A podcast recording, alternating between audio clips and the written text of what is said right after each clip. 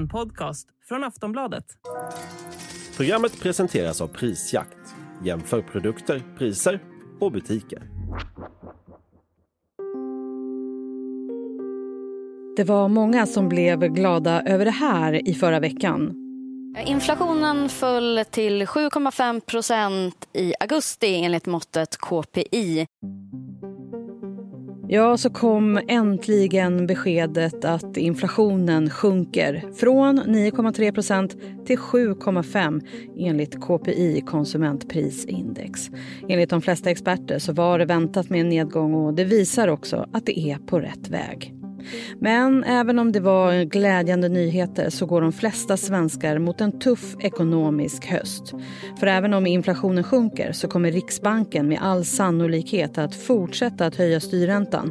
Både nu i september men också senare i november. Flera av de experter som Aftonbladet pratade med i förra veckan tror också att det är först under nästa höst som vi kan se en sänkning av räntan.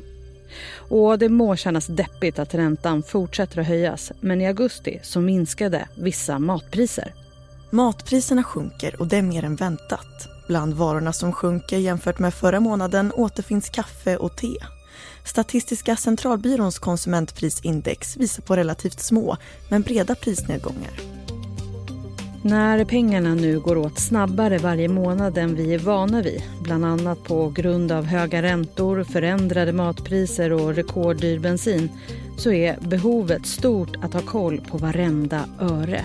Att göra en budget och försöka hålla sig till den känns viktigare än någonsin speciellt om man tidigare inte haft det tufft med sin ekonomi. Vad innebär nu den nya inflationssiffran? Hur ska man tänka kring budget och sparande? Och finns det någon ljusglimt den här ekonomiska hösten? Ja, det pratar vi om i det här avsnittet av Aftonbladet Daily. Jag heter Jenny Ågren.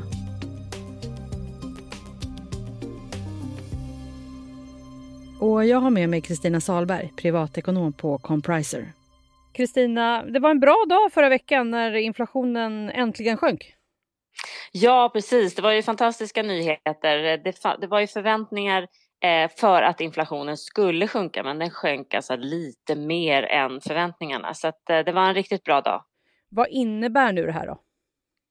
Ja, det innebär ju att eh, det som Riksbanken gör när de eh, höjer då styrräntan och våra boräntor går upp har liksom effekt. Så att det som händer nu är att inflationen börjar gå ner, vi börjar spendera mindre, priserna börjar sjunka och då ser vi liksom att det är positivt framöver att så småningom eh, kan Riksbanken sluta höja och sen börja sänka räntan.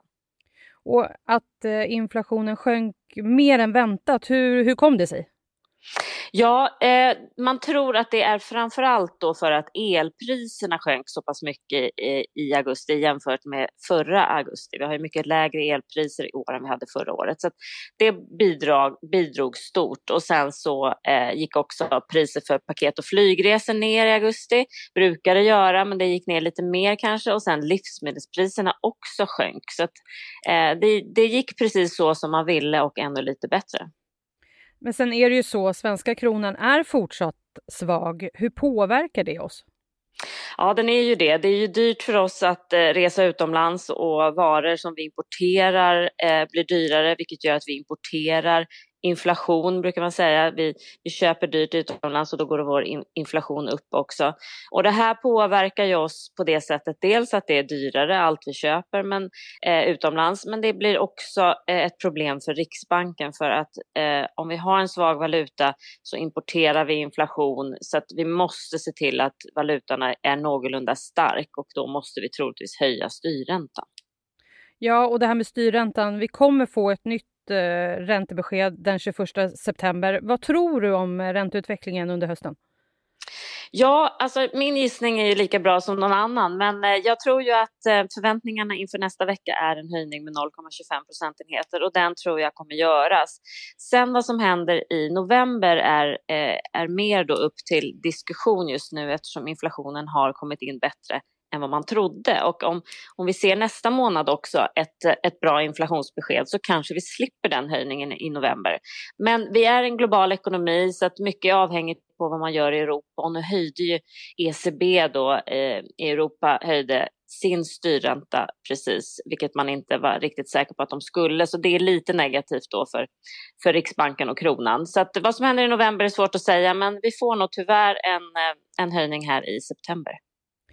Sen alla de som har bolån eh, har det nog rätt besvärligt på många sätt. Kan man göra något i det här läget? Kan man till exempel förhandla med banken? Vad ska man göra? Ja, men det kan man absolut och det är tufft. De som har bolån är väl de som har det tuffast nu. Självklart finns det andra grupper också, men bolån är så pass stor utgift och den har ökat eh, liksom gånger tre på ett och ett halvt år. Så det har blivit en väldigt stor förändring för alla med, med bolån. Och eh, det man ska göra är ju framförallt se till att man inte betalar onödigt mycket. Jag skulle tro att det finns ganska många svenskar som sitter och betalar listräntan. De har en gång i tiden förhandlat med sin bank och fått en rabatt, men den rabatten har tagit slut utan att man har då förhandlat igen. Så att, eh, kolla upp vad du betalar för ränta. Betalar du mer än, än snitträntan, genomsnittsräntan, så ring banken och be om en, eh, eh, om en bättre rabatt helt enkelt. Och, och vill de absolut inte ge det, kolla upp några andra banker och kanske byt bank om du kan få ner räntan. För nu gäller det att hålla i, i alla kronor under den här perioden. Ja, och hur ska man tänka då med jämkning till exempel? Ja, jämkning är ju en jättebra sak. Jämkning är ju att man liksom skriver in hos Skatteverket så här, så här mycket kommer jag tjäna, så här mycket bolån betalar jag och sen andra saker som att äger jag någon fastighet ska jag betala fastighetsskatt. Du skriver in lite olika saker och sen så får du fram att så här mycket skatt borde du betala. Och om du har ett bolån på, på säg 3 miljoner om du inte jämkar så kommer du då i slutändan få 36 000 tillbaka på skatten på ett år. För det är nämligen så att du har ett ränteavdrag så att 30 procent av eh, den ränta du betalar behöver du egentligen inte betala. Så det får du tillbaka. Och om du kan avvara de pengarna så behöver du ju inte jämka, men om du jämkar så får du dem istället varje månad. Så då får du till exempel i det här exemplet 3 000 kronor mer varje månad. Eh, och det är mycket bättre än att låta dem sitta på Skatteverket, hos Skatteverket utan ränta. Men var noggrann om du jämkar och så att du slipper få kvarskatt. Så att du skriver in alla uppgifter och tänker på alla utgifter du kommer ha, alla ränteutgifter du kommer ha under året. Så det kan vara bättre då att jämka för att liksom pengarna är mer värda varje månad än vad de skulle vara när man har deklarerat nästa år? Ja, men så är det ju lite, för annars, eh, annars eh, lånar du ut dem gratis till Skatteverket under hela den här perioden och istället kan du då få dem varje månad. Och om du inte behöver dem varje månad, för en del säger jag vill inte jämka för jag vill ha pengarna till semestern och sånt, ja men då kan du spara själv 3 000 kronor varje månad och få, få eh, 4% i ränta på ett sparkonto då istället. Efter pausen ska vi prata mer med Kristina, bland annat om hur man lägger upp en bra budget. Vi är snart tillbaka.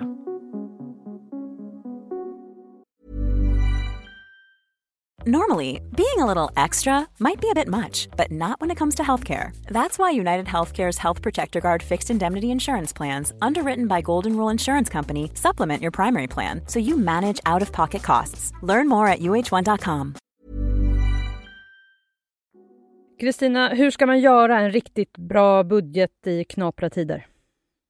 Ja, alltså en budget ska man göra både i knap, knapriga tider och i, i bra tider. Och det låter ju så otroligt tråkigt och känns ju som en fruktansvärd uppgift att sätta sig och göra en budget. Men det enda man egentligen behöver göra är att man liksom skriver ner vad är det som kommer in varje månad? Har jag, vad har jag för lön? Har jag några bidrag etc. Och sen skriver man in allt som går ut. Eh, och det, man kan skriva på ett vanligt papper eller Excel eller en, en app. Det finns massa olika appar. Och sen så ser man så här, går det ihop? Är det så här jag vill spendera mina pengar? Eller vill jag kunna spara mer? Eller vill jag kunna eh, göra något annat mer som jag inte gör? Och man får liksom lite bättre koll då. Då kanske man ser att okej, okay, det kostar mig Eh, 50 000 kronor om året att ha min bil. Eh, värderar jag det, vill jag ha kvar den eller vill jag hellre spara de pengarna till resa? Så att, att göra en budget är liksom att titta på vad vill jag lägga mina pengar på och eh, hur ser det ut? Och då får man en lättare syn på sig. Shit, jag betalar jättemycket på mitt bolån. Jag kollar om jag kan förhandla ner räntan eller betalar jag verkligen så här mycket på de här försäkringarna? Jag kanske kan få ner det. Så att få lite koll. Och jag tror att många kommer må bättre av att göra en budget för då får man lite svart på vitt hur det ser ut. Och då är det, det är roligare att ta tag i utgifter då när man ser att ah, det går ihop, jag kan spara 500 kronor varje månad också. Ja, för det är ju det här med sparandet. Många banker vill ju att man ska spara och då får man också lite rabatt till exempel på sitt bolån. Men hur ska man tänka med sparandet om man knappt liksom ens har råd med maten? Ja, exakt. Och jag menar, vi ekonomer tjatar ju alltid om att man ska spara till en buffert. Och det är precis för sådana här tillfällen, när det helt plötsligt blir dyrare att leva, som man ska ha sparat till en buffert. Så att behöver man nu använda sina sparpengar så är det liksom precis det de är till för. Så gör det då, men se också över alla utgifterna så att du kan liksom stoppa utflödet från sparkontot så mycket som möjligt.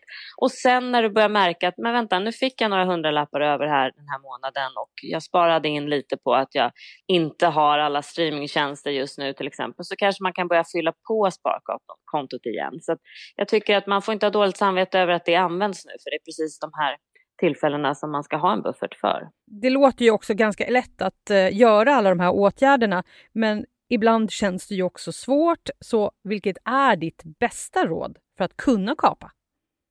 Eh, bästa rådet är att, att börja idag, att göra en sak idag. För jag tror att många känner så här, gud jag har så dålig ekonomi, jag har så mycket utgifter och jag vet inte hur, hur jag ska göra för att sänka alla och det kommer ta oändligt med tid. Men jag tror att det viktigaste är bara att man tänker så här, okej, okay, idag ska jag öppna ett sparkonto som har ränta istället för att de pengarna sitter hos storbanken eller någonting utan ränta. Och sen när man har gjort det så kommer det kännas lite bra liksom, i kroppen att jag har gjort en grej och så kan man bestämma sig att nästa lördag då ska jag, göra, eh, då ska jag kolla upp min bilförsäkring och se om jag kan spara pengar på den. Och sen kommer man liksom bli lite pepp av att man känner att det händer någonting. Så jag tror att det viktigaste är att tänka jag behöver inte göra allt, jag kommer inte kunna göra allt, med jag börjar med en sak. Det är precis som träningen, det tuffaste är liksom att få på sig kläderna och, och, ta första rundan. Sen, sen är man liksom lite igång. Så mitt absolut bästa tips är gör en sak idag, då är du igång. Under alla dina år som eh, sparekonom, hur värderar du den här situationen som vi befinner oss i just nu? Ja, den är ju, eh, den är ju en av de tuffaste, absolut. Och det är ju på grund av att vi har, vi har haft pandemi, vi har ett krig som har påverkat oss och sen så har vi då både en hög inflation som kom väldigt fort vi har höga bolåneräntor som kom väldigt fort också. Och elpriserna förra året var ju eh, enormt höga. Så att vi har ju liksom Eh, the perfect storm som det har pratats om. Det är så mycket som har hänt som har påverkat oss. Men det går ganska bra fortfarande för Sverige. Vi har inte en, en hög arbetslöshet relativt än så länge. Så att det är många som klarar sig. Så att det har varit värre. Det kommer säkert att bli värre någon annan gång och jag tror att det är nyttigt för många att eh, få vara med om det här. För att man ska, man ska vara medveten om att ekonomin går inte alltid bra utan när det har gått bra ett tag så går det sämre och sen så svänger det igen. Så att jag tror att man får bara bita ihop och självklart har jag respekt för de som har det riktigt, riktigt tufft och då gäller det att försöka ta hjälp tidigt. Det finns skuldrådgivare hos kommuner och man kan också kontakta eh, de som man eh, är skyldig pengar, eh, olika bolagen och be att få en avbetalningsplan om man har det tufft och så. Så försöka ta tag i, i problemen direkt. Kristina, vi behöver lite hopp också. Vad finns det för ljuspunkter? Det finns alltid massa ljuspunkter och det vi kan veta, det vi kan förstå är alltid att så här, har det varit lite sämre så, så blir det lite bättre sen. Även om vi kanske får en tuff höst nu med ännu högre eh, bolåneräntor. Så att, eh, många tror att elpriserna till exempel kommer ligga på ungefär hälften av vad de låg förra året och det är ju fantastiskt. Eh, det finns också en stark tro om att bolånen kommer under nästa år, kanske tyvärr eh, efter sommaren, börja sänkas igen om Riksbanken kan sänka sin eh, styrränta. Så att det går upp och ner. Vi kommer lära oss av det här och bli starkare och duktigare på vår ekonomi och eh, som sagt efter nedgång så blir det uppgång. Så det kommer bli bättre. Det gäller lite att bita ihop nu så, eh, och kämpa på så kommer det svänga nästa år. Vi håller tummarna. Tack för idag Kristina. Tack så mycket. Sist här Kristina Salberg, privatekonom på Compriser. Jag heter Jen Ågren och du har lyssnat på Aftonbladet Daily. Du kan läsa mer om tips och övriga ekonominyheter på Min ekonomi på Aftonbladets sajt. Vi hörs snart igen. Hej då!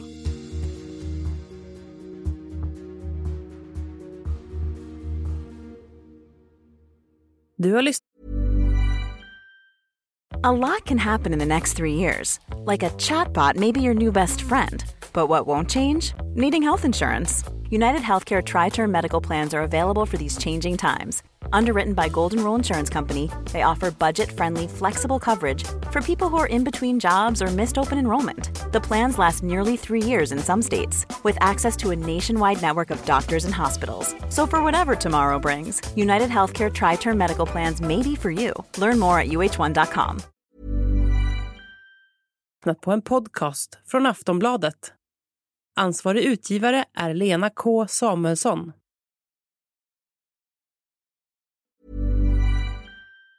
Tired of ads barging into your favorite news podcasts?